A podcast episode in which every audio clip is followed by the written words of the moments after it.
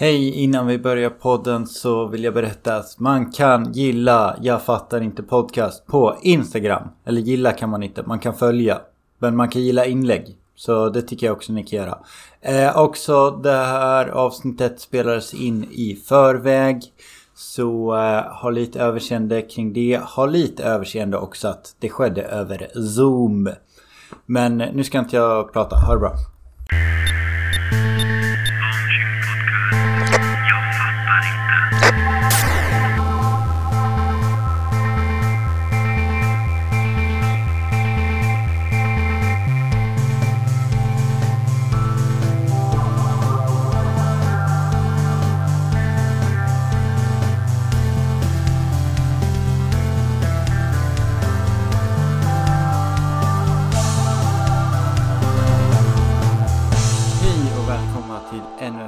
Avsnitt av podcasten Jag fattar inte. Podden där jag inte fattar saker. Eh, idag har jag med mig Rifersteg. Hej! Hej! Vad kul! Skulle du beskriva dig? Jag har nog fått bilden av dig som en mångsysslare. Men vad, vad skulle du helst sätta på visitkortet? Eller LinkedIn-profilen? jag tror jag sätter författare högst upp. LinkedIn-profilen tror jag. För- Författare. Och ibland så, ibland så går jag långt ut och kallar mig filmskapare. För jag tycker jag har mer, har mer fötterna i det än vad jag har komiker egentligen. Filmskapare, vad har du gjort? Det har surrat förbi eller att jag har sett någon bild från din Instagram eller så eller något videoklipp. Nej, men jag, jag har eh, jag producerade en del eh, för en del serier för webben för massa år sedan och sen så har jag väl, jag vet inte om jag kallar det det för jag har producerat en del eh, sådana grejer eh, som kortfilm och ingen långfilm har jag inte producerat men jag har, jag har regisserat, producerat, skrivit, ja, spelat. Så då ibland, lägger jag ibland ihop det alltihopa. Ja, en, en jävla massa grejer. Hur, eh, hur har det varit med sådana projekt då på, under den senaste tiden? Eh, ja, nej, men jag tror att det har ju definitivt varit en, en eh, i, i, i, i tv-branschen så, där så har, det- har det blivit ett slags stopp så att säga. Det blev stopp på produktionen så det blev ganska mycket pitchar som gick in och, och, och en slags eh, flaskhals kan man säga som gjorde att det blev mycket idéer och inte så mycket som producerades. Och nu så är ju produktion igång igen och det är ganska ja, det är ganska mycket människor som behövs i filmbranschen just nu. Det är så mycket content som görs så att säga. Och sen så jag har väl, eh, ja, det märks i att det har varit en orolig eh, bransch. Jag vet inte hur man ska säga på det sättet. Ja, det har, känt, det har varit lite oroligt, lite svårt att förutse. Jag har ju aldrig jobbat med tv eller någonting sånt också men eh, det kommer vi ju komma in mer när vi snackar om ditt eh, hur du börjar som skådis så nog definitivt in på dagens ämne. Men hur står man ut med att vara fri, alltså frilansare i längden? Nej, jag vet inte. Jag, jag, ibland så undrar jag om jag kan stå ut. Eh, jag, jag, ibland så tror jag ju att min mentala hälsa behöver någonting annat. Så jag vet inte om jag är ett typexempel på att man står ut. Jag tycker ofta det är en svår balansgång i eh, vad, i vad man tycker är, är, är liksom priset på att göra det man tycker är väldigt roligt att göra och jobba med det. Mm. Och de gånger man tycker att det går dåligt, är det liksom värt det och vad kostar det och sådär. Mm. Ja, ja, nej men det, det kan jag känna igen mig jag, jag brukar beskriva eh, min roll som komiker och klubbarrangör att jag känner så här. Alltså det spelar ingen roll om jag är sämst på det i världen. Utan det är ändå lite värt att köra. Det är till och med att man kan så här romantisera lite av att man så här arrangerar någonting där inget kommer men man bara krigar på ändå liksom. Eller hur? Ibland är det så, ibland är det som man krigar på ändå. Jag, jag kommer ihåg, eh, teatern har ju väldigt mycket av det där. Jag gjorde en pjäs en gång. Vi hade en kväll när ingen kom och vi bestämde oss för, vi var, det var jag och en skådespelare till, och vi bestämde oss för att vi inte skulle spela. Men vi var, vi var i valet och kvalet. Vi sa egentligen så ska vi spela för en tom publik. Mm. Man har den där självspäkande liksom att nu gör vi det här. Ja, ett gig är ändå ett gig. Men eh, det hjälper om man har en person i publiken. Mm. Vi, vi, ska köra lite lära känna varandra frågor. Eh, eh, tyvärr för de som inte är särskilt standup intresserade så jag vet inte, jag brukar, för mig, jag kan berätta läget. Jag är ju eh, komiker som nu bor i Kalmar. Så alltså det är alltid lite kul att bara höra hur, hur det är där uppe i Stockholm bland alla coola eh, poddkomiker och så. Så som du själv är om man, det ändå, skulle jag ju ändå säga. Eh, så jag blir Oj. lite så här, hur, men eh, om du, i och med att du har spelat teater där absolut ingen har kommit och eh, varit så, är det mycket jobbigare att eh, spela teater där det antingen går skit eller det inte kommer någon publik eh, än att köra stand-up där det, där antingen går skit eller inte är någon publik? Um, det är en bra, svår fråga. De har så olika... Jag tycker att de kräver olika saker och är olika utmanande på något sätt. Ibland så kunde jag känna att stand-up när ingen kommer eller det går dåligt. Om det inte är så att man kör en timme eller ska köra en liksom, ja, eller ska köra en 40 minuter då, eller något sånt där. Men säg att mm. man ska köra 15 minuter eller något sånt där så, så är det nog trots allt lättare Mm. än om man ska spela en pjäs och man känner att det sitter en, en person i publiken. Och, mm. och, och, jag ska fortfarande gå igenom det här som om jag, jag går, är man som jag då lite method actor så är det liksom det är ju hjärt, det är ju sorg och allt möjligt som man ska gå igenom bara, framför bara en person. Liksom. Jag hade en gammal skådespelarlärare som sa att om du inte rycker ut hjärtat och låter, det, och låter mig titta på det så vill jag inte se.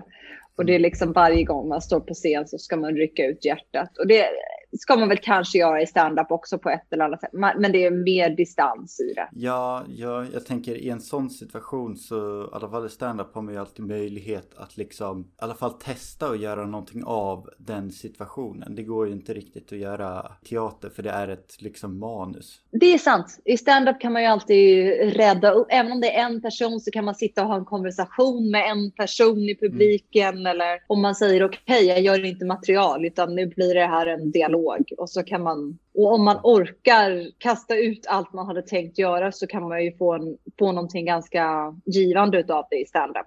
Mm. I teater så är det ju svårare. Det är helt, helt skrivet vad man ska göra. Men som sagt, eh, där eh, lite standup eh, ingångar lär hända fler gånger. Men lite lära känna frågor. Ja. Och då tänkte jag börja med vem var du i skolhierarkin? Vet inte varför jag valde att eh, använda ett eh, hira, det ordet. Jag vet inte, någon slags Nej. grammatisk osäkerhet som kom fram där tror jag. Men... Nej men det är väl bra. Skolhierarkin, okej. Okay. Jag var nog olika i olika perioder. Mm. Um, när jag började ettan, tvåan, trean, fyran, Eh, upp, upp till femman så var det väldigt osäkert. Eh, mm. Uh, var jag inte högt upp i hierarkin. Det var rätt jobbigt. Jag var nog stundtals ganska långt ner i hierarkin. Um, sen så när jag blev lite äldre då i 12-årsåldern sådär, då kom jag nog upp lite grann i mm. hierarkin. Mm. Det var väldigt skönt, för det var, det var rätt jobbigt att vara där på botten. Vad var det som gjorde att du inte stod ut? Det känns ju visserligen, när man har ett lite ovanligare namn så känns det som barn är man, känns det ju ganska utsatt att ha det. Men typ ju äldre man blir känns det att det får mer cred. Ja, det är nog sant. Och det är nog sant i, i, den där olikheten. Man har ett annat namn och man, man är annorlunda utan man riktigt förstår att man är annorlunda. Och, och eh, jag vet inte, jag passade inte riktigt in där i början. Och sen så när jag blev lite äldre så var det okej okay att jag inte riktigt passade in och så var det okej okay att jag flöt lite mer mellan att jag var lite olika, att jag var lite sådär mång, intresserad av många olika saker och eh, liksom det blev lite kreddigare mm. på något sätt och så blev, går man upp, gick man upp i hierarkin. Hur ändrades det? Du gick college i USA va? Just det, precis. Jag gick universitetet. Jag tog min BA i USA, så bachelor. Så gick fyra år. Om man, om man ska jämföra Ja, nej, där var jag ju också inte så högt upp i hierarkin. Eh, mm. Mm. jag gick på teater, jag gick på teaterlinje eller vad man ska säga delvis där och, och där var det liksom, var man ju annorlunda och konstig igen för man var från Sverige och jag pratade inte riktigt amerikansk dialekt och det var, passade inte så bra på scen jämt och när man skulle kastas i olika skolpjäser och sånt så lät jag ju som en utlänning och ibland så kunde man känna att man var väldigt F. Jag kunde känna att jag var väldigt F. Jag förstod inte referenser och skådespel är ju språk och jag var ganska jag fick dålig, eh, dåligt betyg i skrivklassen och det var på något sätt lägre i hierarkin. Men å andra sidan så det är så stor skola, man får göra vad man vill och jag gjorde mycket vad jag ville så att ja, kanske att man, att man lyckades ta igen lite på att man, man gör sin egen grej liksom. Mm. Jag... Nästa fråga, vem är du på arbetsplatsen? Om du tänker på vilka, vilka jobb du har varit ja. och vilken typ. Jag är nog ofta ganska sådär positiv, lite engagerad, peppig liksom. Mm. Eh, men är jag inte, är jag på dåligt humör eller har en dålig dag så tror jag att det märks. Mm. jag, är okay. inte så bra på, jag är inte så bra på att gömma det. nej, nej, nej, men det, det kan jag ändå tycka är rätt, rätt uh, härligt ändå. med ändå öppenheten så. Men hur ska du, om du ska ge, vi kan, eh, vi kan lyfta lite på locket på USA-temat då, särskilt när det kommer till jobb. Mm. Vad finns det för konkreta skillnader? Alltså på en jobb i USA och jobb i Sverige? För... Ja, uh, det finns väl arbetstrygghet är ju en, en konkret skillnad. Uh, när det kommer till att uh, är man fast anställd i Sverige så är man ju rätt trygg i att man har en lön och kommer vara kvar på det jobbet. Och, och den, den arbetstryggheten har man inte i USA. Ja, det, det, är väl den grund, det är nog den största skillnaden, att man inte är lika trygg. Man, mm. man, eh, man kan också gå på ett helt annat sätt. Man kan ju lämna jobb på det sättet också. Det, mm. det liksom går åt båda hållen. Och i serviceyrken så, så lever man ju mycket mer på dricks såklart. Så det är, en, det är också en stor skillnad. Och det, gör, det, det, det formar samhället på ett sätt eller om det är samhället som har format det. Men man, eh,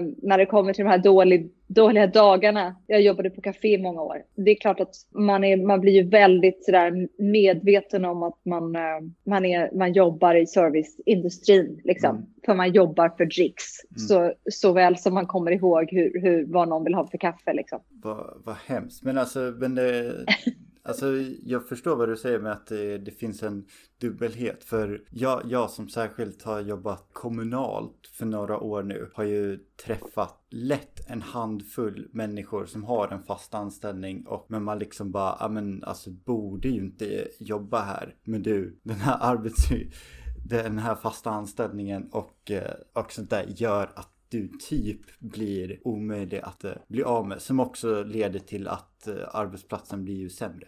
Det amerikanska samhället är i min mening för otryggt över, överlag. Mm. Uh, det, det, det är för otryggt i att, i att man har en inkomst och bostad och det, det, är liksom väldigt, allting är så skört och det, det, är för skört. Men det är klart att i Sverige så har vi ju en enorm trygghet och det gör ju, folk blir ju liksom lite trygghetsnarkomaner i Sverige eh, där man lite grann, det ligger inte i vår kultur att uppmuntra risk eller att testa saker på samma sätt som det gör i amerikansk kultur. Mm.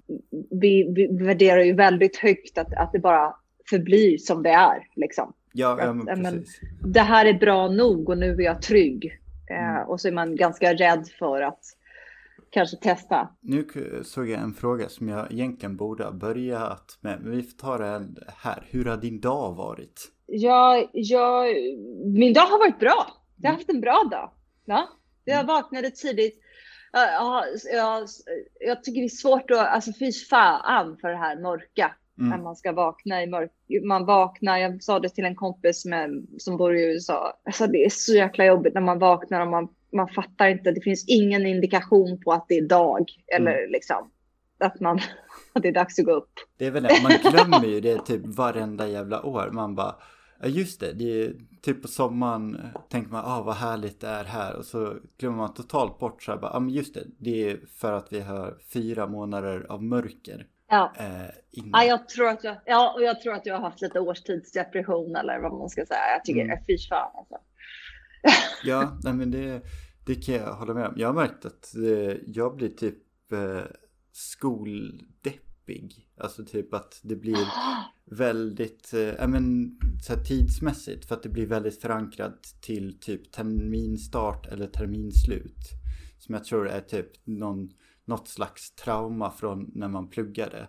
Så till exempel alltid nu oftast i början på året då är det, så här, det är mycket man ska komma igång med, det är mycket sånt. Eller i slutet av terminen, särskilt våren.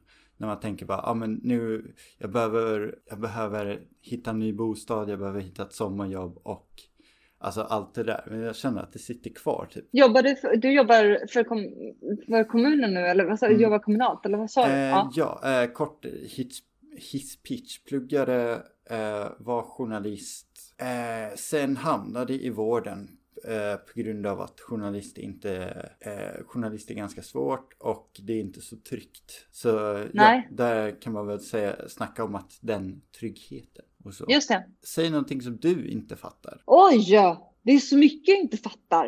Uh, jäklar. Uh, jag fattar inte. Jag fattar inte. Jag fattar inte att, jag fattar inte att man i Sverige nästan bara vill umgås med eh, folk som eh, liksom har samma, tänker likadant och gör samma saker. Man mm. umgås mycket mindre liksom över om det är jobb eller var man bor eller ålder eller tycker man, man är ganska kategoriserande i hur man umgås. Det är en bra poäng. Hur är det skillnaden i USA? Alltså fördomen som jag antar det stämmer är väl att, um, att eh, amerikaner, eller egentligen typ de flesta andra i världen, är så fruktansvärt öppnare än svenskar och sånt där. Men hur kan, hur kan det skilja sig i USA? Uh, ja, alltså en sak är bara öppenheten och det, det, jag fattar fortfarande inte liksom att jag tycker det är jättehärligt att man kan eh, bestämma sig för att det här, vi har kanske bara de här minuterna med varandra och mm. låt dem vara så bra som möjligt. Det spelar mm. ingen roll om det är djupt eller på riktigt. Men, och, och, det kan yttra sig också i att när man träffar någon så säger de, ja men kom med på den här middagen, jag vet att du är, man kan liksom vara i att jag vet att du är ny i stan eller jag vet att du inte känner så många, kom med här. Så får jag träffa mer folk. Och det, det där, det där, där är vi ju mer ängsliga i Sverige. Mm. Uh, kring att liksom säga att du är ny, du kanske inte känner något. Man är inte lika öppen för att ta med folk sådär. Ja, den där eviga frågan om att inte så här bara, ah, just det, jag måste fråga världen om jag får ta med en kompis på den här festen. Precis. Eh, jag tänkte vi kan mm. dra lite grund, grund varför jag kände för att snacka om det här och varför jag mm. ville ta med dig. Jag tycker, jag har ju hört dig i diverse poddar, AMK morgon bland annat blir intresserad är ju för det första din historia, hur du flyttade till USA som, vad var det, 19-åring eller? Ja, 18-19 precis efter gymnasiet. Men, mm. Eh, Bara ja, barnet. Ja, ah, gud. Det, det kom, lär vi komma in på. Jag bara tänker på hur jag själv var som 18-åring. Om jag skulle bara... Äh... Ja, jag tänker också det nu. Mm. Vad tänkte jag? ja. Eh, men, sen, men sen också att du hade ändå en del intressanta poänger som jag har hört också med att eh, jag egentligen som eh, mot svenskar på ett sätt och inte så här taskigt utan, nej men jag vet inte, du sa en del fördelar med USA och hur amerikaner är som jag tyckte var ganska intressant. Men eh, annars eh, är nog min bild eh, av USA är nog som många andra svenskar. Fast nog lite till. Jag kommer ju liksom, eh, jag har ju en bakgrund som politiskt aktiv i Vänsterpartiets ungdomsförbund. Så verkligen så här gick runt där som tonåring med Palestina-sjal och då var ju USA liksom så här, ja men det är ju fienden, det är ju liksom Mordor. För att alla går omkring och mår dåligt och alla måste kämpa och det är superpatriotiskt och überkapitalistiskt och ytligt och... Men sen tror jag väl också att den, ja bilden Sverige, svenskar nog har av USA är väl på ett sätt lite samma sak. Men det är ju bara för att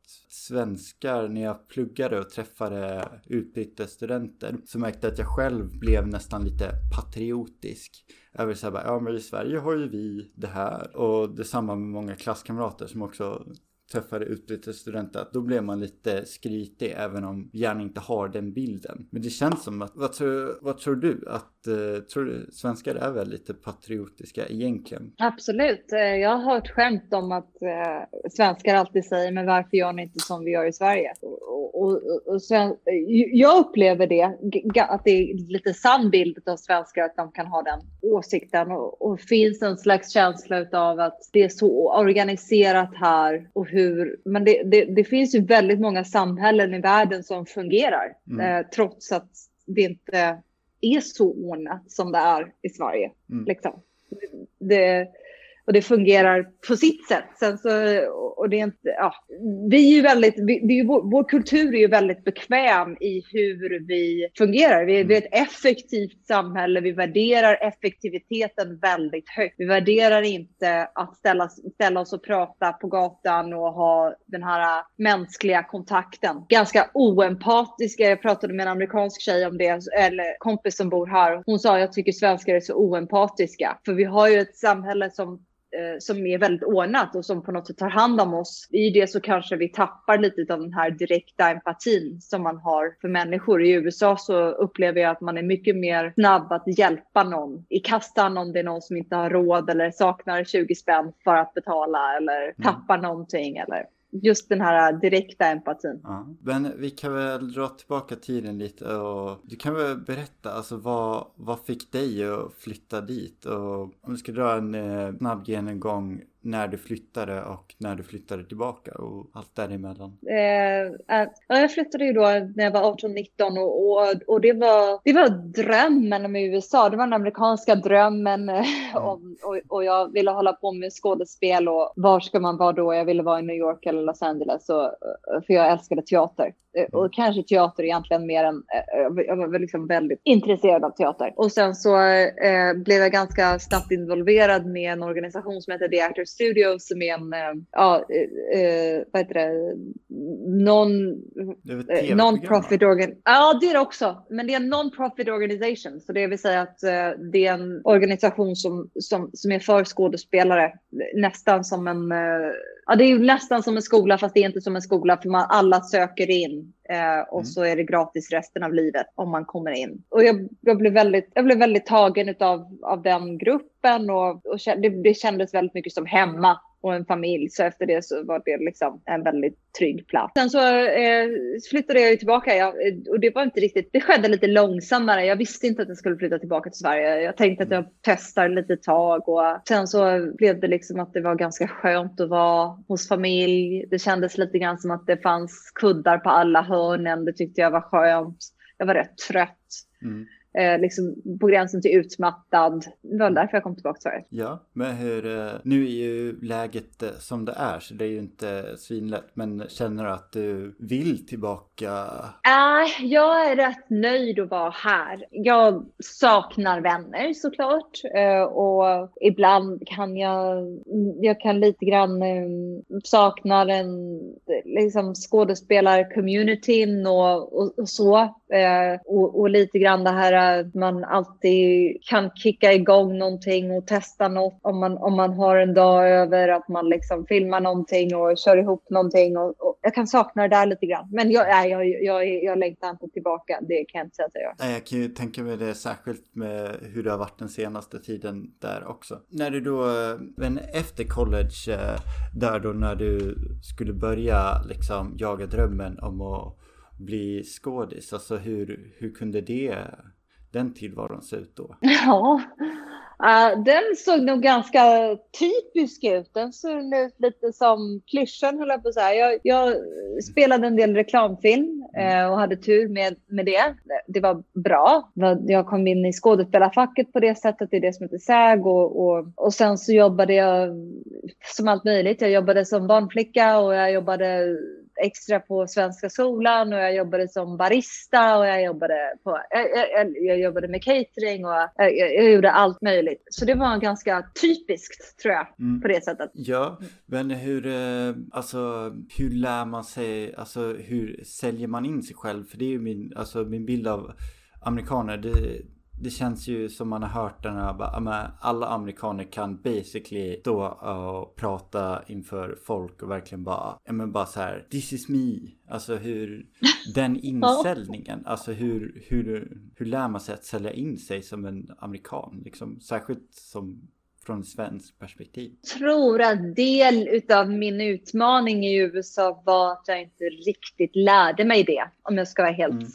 ärlig. Jag kan känna så ibland nu när jag har flyttat därifrån, att jag, jag var aldrig riktigt bra på det där. Sen så kan jag vara bra på det i jämförelse med svenskar här kanske, mm. men, men där upplevde jag att jag hade ofta känslan som man kanske har, att om jag bara jobbar hårt så kommer jag att bli upp upptäckt. Liksom. Mm. Eller så kommer det att löna sig. Eller så kommer det att liksom, så kommer någon att säga, men där är hon som jobbar så hårt. Uh, och det är nog en svenskare attityd. Och jag, jag, höll, jag, höll, jag, jag tror jag hade den nästan hela tiden när jag bodde där. Hur, alltså, hur clashar det med att uh, det är så fruktansvärt konkurrenskraftigt? Det där är intressant för att, för att det är absolut en enorm konkurrens. Och sen så samtidigt så eftersom det är sån konkurrens så, så är det liksom mer att göra upp med i sig själv i det där. Eh, jag satt och pratade med någon om det, att, att liksom, man kan gå på en provfilmning där och så kan man träffa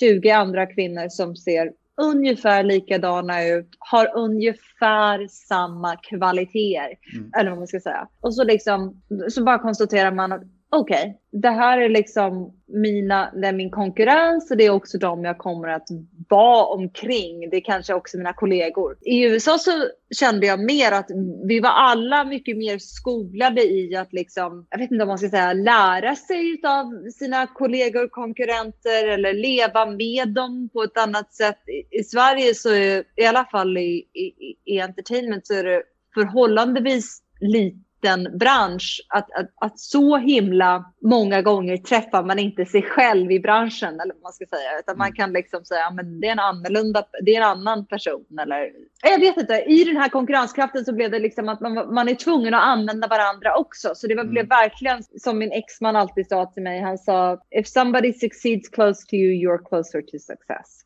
Uh, och det var verkligen någonting som jag kände man, man verkligen lärde ta till sig. Att om det, om det är någon runt omkring mig som har framgång så är det liksom. Sen så är det ju det här att jag i alla fall, jag kommer ganska bra överens med skådespelare och komiker och författare. Liksom, så att om jag, om jag skulle se dem som konkurrens skulle det vara, det skulle vara så många jag inte skulle kunna umgås med som jag tycker mm. väldigt mycket om. Vi har ett lika sätt att se på världen. Jag menar, trots allt så finns det vissa likheter i hur man liksom processar saker. Ja, ja men definitivt. Men jag tyckte det är intressant att du beskriver, eh, när du beskrev en audition-situation sådär, att man går och ser folk som är likadana och så. Jag blev lite så här bara, okej, okay, så det är typ som när jag, 20 någonting eh, straight vit snubbe drar till Big Ben och bara, aha, det är massa andra killar som eh, står här och kör. Eh. Precis den känslan och då får man väldigt mycket av det där. Om man möter det där mycket så får man ju väldigt mycket den här, men vad är det jag vill säga och varför spelar det roll och vem är jag och, och, och vill jag göra det här? Eller är jag bara liksom och varför? Vad mm. drivs jag av? Det är lite frågor man får svara, svara på. Eller? Mm. Hur lär man sig, alltså blir man hårdare med tiden eller hur? hur, hur uh... När jag blir arg på Los Angeles eller när jag är kritisk mot Los Angeles så säger jag att det är de som har mest talang och mest sårbara instrument eller vad man ska kalla det, hjärtan. Mm. De passar inte in där för det, mm. det är för hårt.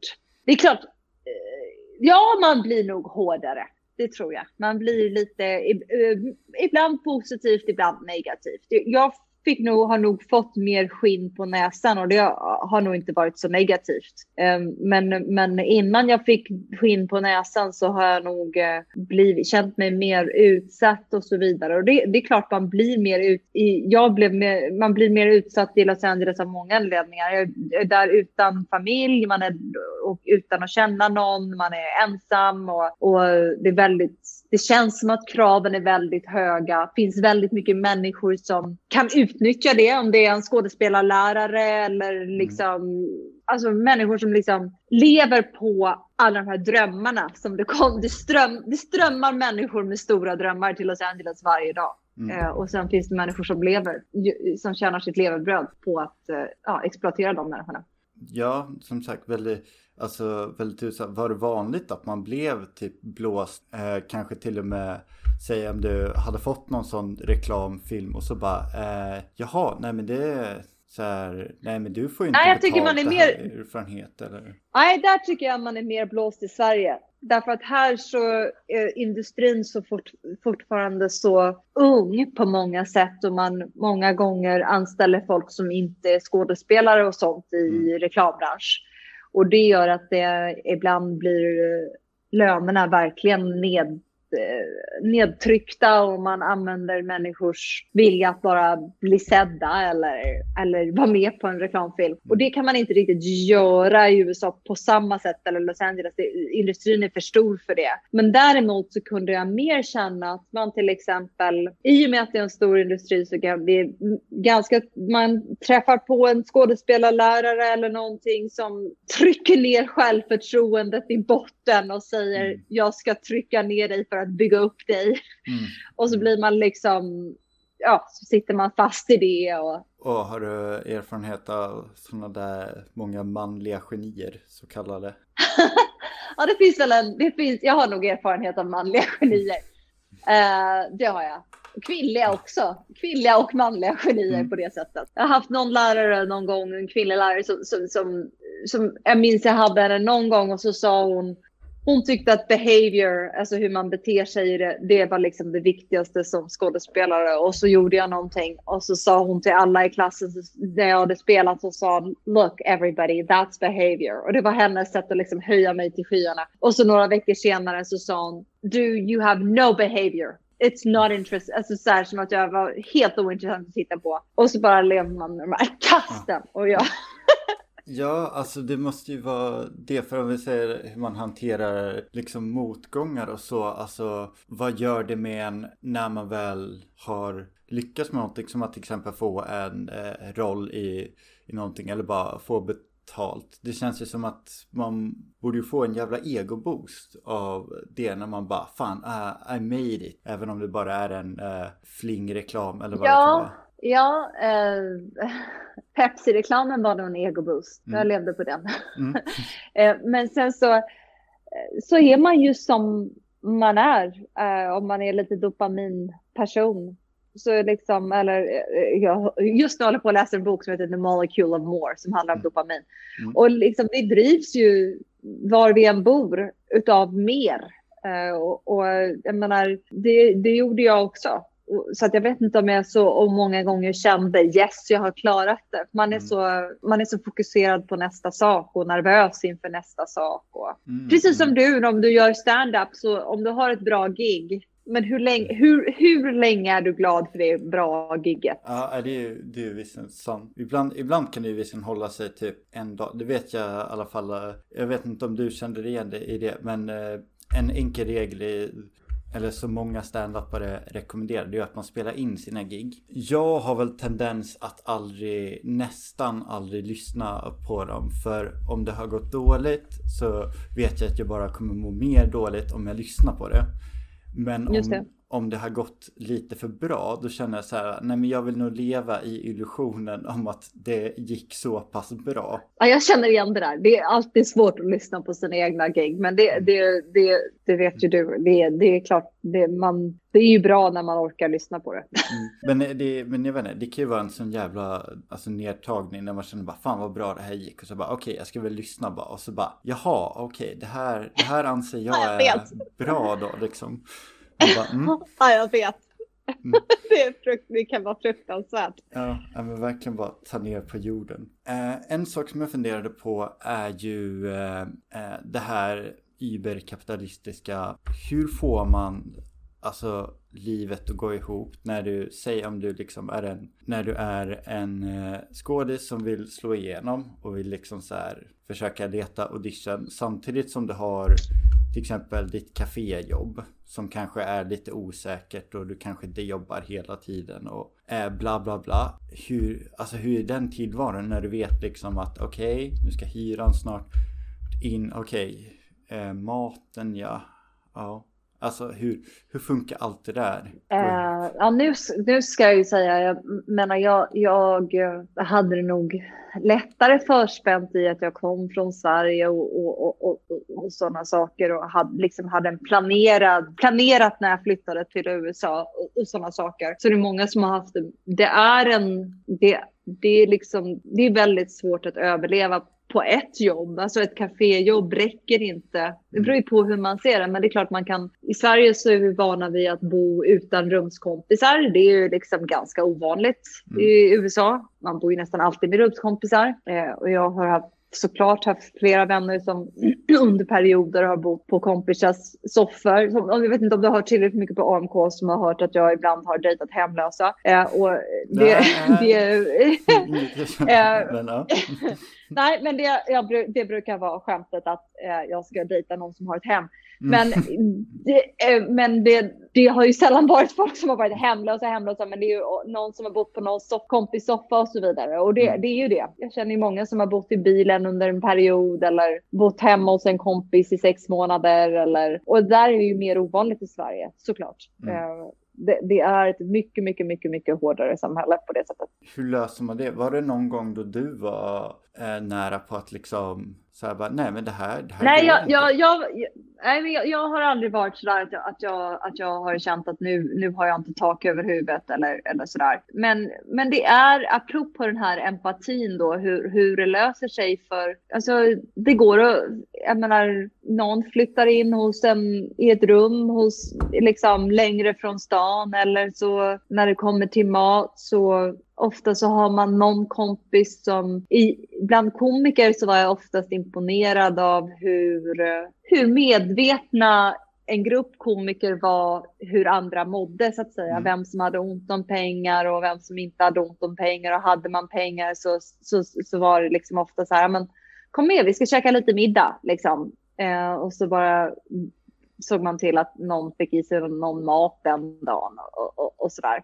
Mm. En, en ganska mycket mer sådär att man har ögon och öron öppna för hur, hur andra mår och mental hälsa också. Därför att mm. det, jag tror att det var lite mer ut, uttalat med det här att en, en, många hade svårt med depression eller, eller vad det nu var. Och särskilt då också eftersom många kämpade med bara att få sina basala behov mötta. Mm. Så blir det att man liksom är mer medveten om att du, jag har eh, vill du sova hos mig i natt eller, eller sådär. Eh, kör, men eh, körde du, började du med standup i USA då också eller?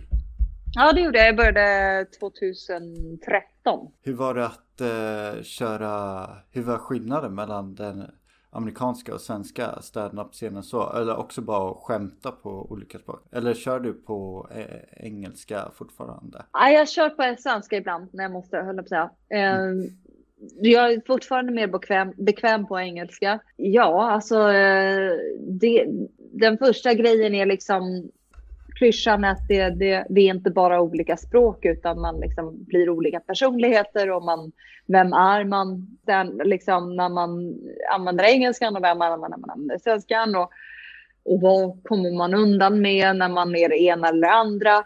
Jag tycker nog ofta att den amerikanska publiken tycker att det är okej okay att bli lite mer utmanad än den svenska, mm. generellt sett. Eh, I Sverige så vill vi liksom vara säkra på att det är ett skämt och vi vill vara säkra på att vi är på rätt sidan av det skämtet. Så vi vill liksom känna pausen för punch, efter punchlinen och veta här är, det, här är det skämt. Eller här ska det vara roligt. Amerikaner kan jag tycka kan acceptera, eller stand-up kan vara mer ifrågasättande, kan vara mer nästan intressant är det något, på det sättet. Ja, är det oftare att, att uh, sådana komiker på till exempel en, jag håller helt med i det du säger om den svenska publiken att de vill helst inte bli utmanade och det är alltid en säkerhet att eh, så här, ja men skämta, skämta om dig själv. Min fördom är nog kanske att amerikaner eh, inte gör det i lika stor utsträckning. För dem är det kanske mer att men publiken ska fatta, ska liksom tycka att jag är ändå lite cool och rolig och så. Man ska dominera publiken. Men det, det är verkligen bara en fördom. Ja, det är intressant. Eh, det är nog inte riktigt min uppfattning. Eh, min uppfattning är nog att amerikanska komiker eh, generellt, jättegenerellt, gör ett mer grävande arbete i vad, hur de ses på scen och varför och, och hur man kan exponera det och vad som är en sårbarhet och om man kan göra något av ens egen sårbarhet. Medan jag ibland kanske hör att det är mer observerande. Jag har väl hört någon gång att man ska göra skämt som ingen kan stjäla. Det vill säga att om jag skriver ett skämt som vem som helst kan säga så är det egentligen inte ett lika bra skämt som om det är ett skämt som, är, mm. som inte funkar när någon annan säger det. Det är ju rätt intressant för det är nog min... Eh, som sagt, jag, jag har ju inte kört eh, eh, jättelänge. Det ska, det ska också sägas, jag har inte världens största erfarenhet av till exempel Big Ben heller. Så egentligen har jag ingen större koll. Men det känns ju som eh, min fördom återigen är, ja men min skinn, det känns som i den svenska, det, det är finare att kunna skriva mer generella skämt som alla skrattar åt. Eller håller, Håller du med? Jag håller med. Jag håller med. Jag tror också det. Och jag tror att det, och det, det, det, det finns ju, alltså det finns, och den finns också i USA, att man, alltså att skriva skämt och, åt det hållet, det är också bra, men det är en, det, man har olika styrkor och de är bra till olika saker och, och liksom att man kan skriva skämt åt andra eller liksom kanske finns en större medvetenhet vem det är som säger skämtet där. Mm. Men, och jag kan också tycka ibland att vi i Sverige fortfarande har en begränsad syn på vad stand-up är. Vi har mm. en begränsad syn på vem som gör stand-up och vad man pratar om i stand-up.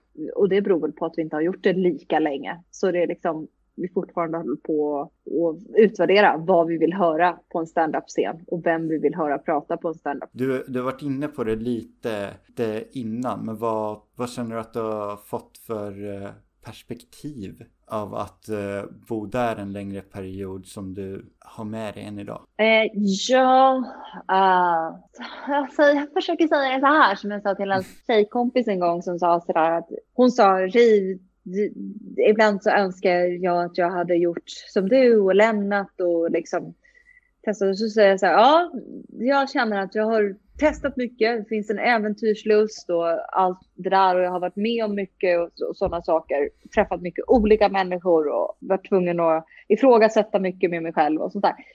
Men å andra sidan så den här känslan av trygghet eller eh, tillhörighet, ehm, det har nog kostat i det. Mm. Eh, jag känner mig inte lika tillhörande. Det gör man inte. Jag känner mig som jag liksom, tillhör inte på samma sätt. Eh, den här känslan av att jag är trygg på en plats eh, och vet vilka som står bredvid mig eller vilka jag har runt mig. Den har jag inte lika starkt. Ja, sen så får man med sig liksom en... Jag hoppas att jag har blivit öppen i och med att jag har åkt dit. Och sen så kanske lite som, som du var inne på, lite skinn på näsan eller liksom lite hård hårdare. Det kan jag nog också ha fått med mig tror jag. Och sen så är man ju så här, jag är ju lite halvamerikan i den här, ja men kom med och lite, säkert lite ytligare på, på vissa mm. sätt och, och sådär. Ja men eh, det skulle jag säga så att det, det är nog det som jag tycker nog är en av fördelarna med USA som jag ändå du har belyst att det är liksom eh, en öppen, en avsaknande empati och öppen öppenhet kan verkligen alltså fördärva Till exempel alltså det vanligaste problemet som, eh, eller som folk verkar ha idag. Det är så här bara, men hur, hur skaffa sig vuxna kompisar? Just det. Liksom bara så här, ja men nej jag vet inte, det är väl, det är väl jag och frugan eh, nu bara och så ser vi på Let's Dance. Ja, men den öppenheten känns nog väldigt välbehövlig. Jag tänkte en eh, sista grej. Vad, vad fanns det för grejer som du blev förvånad över när du flyttade? Som antingen kunde vara så här likheter med Sverige eller någonting som var liksom så stor kulturkrock. Jag minns en, jag minns, jag bara, nu, jag minns en kompis. Jag minns en kompis när jag gick på universitetet uh, som ringde mig en gång mitt i natten. En killkompis och uh, bad att vi skulle ses och vi sågs och han sa att um, i USA så de ligger ju i krig och han hade en kompis som hade dött i, det måste ha varit Irak då. Mm. och han hade en kompis som hade dött i Irak han var tvungen att ringa föräldrarna och berätta det. Oh. Eh, för det var någon i hans, ja hur, hur jag vet, vågar inte säga hur, hur, hur det var, men han var befäl eller något eller ja, du mm. vet.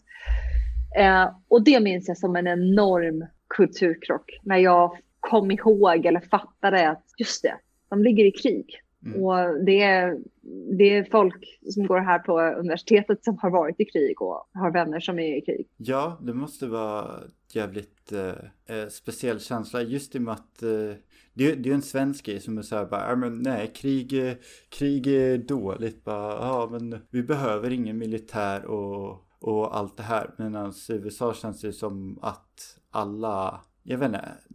Nej, Nej, och den, den får man ju vara lite mer försiktig med där. För att en sak är att man kan, kan vara emot krig och, och vara pacifist i en, i en, i en stor mening. Men, men trots allt så i alla fall kan jag känna att det finns nog anledning att vara tacksam till de som sätter sina liv, vare sig man tycker det är rätt att, att vara i krig eller inte. Så, så det är unga män, det är, det är liksom 18-åriga, mm. 19-åriga pojkar. Men det är väl så, de lockar väl med det att om, om du är med ett tag i militären så betalar vi ett stipendium till dig för att köra college. Mm. Och då, då, då, då, finns det ju argumentet, vilket är inte ett dumt argument, men, och då är det ju de som om man tänker sig eh, eh, folk som har mindre resurser och mindre pengar. Eh, och det är de som är de mest ambitiösa i de områdena som ger sig ut i krig. Det är de som vill ha stipendier till att mm. plugga. Eh, sista, eh, för eh, tänkte vi kunde vara lite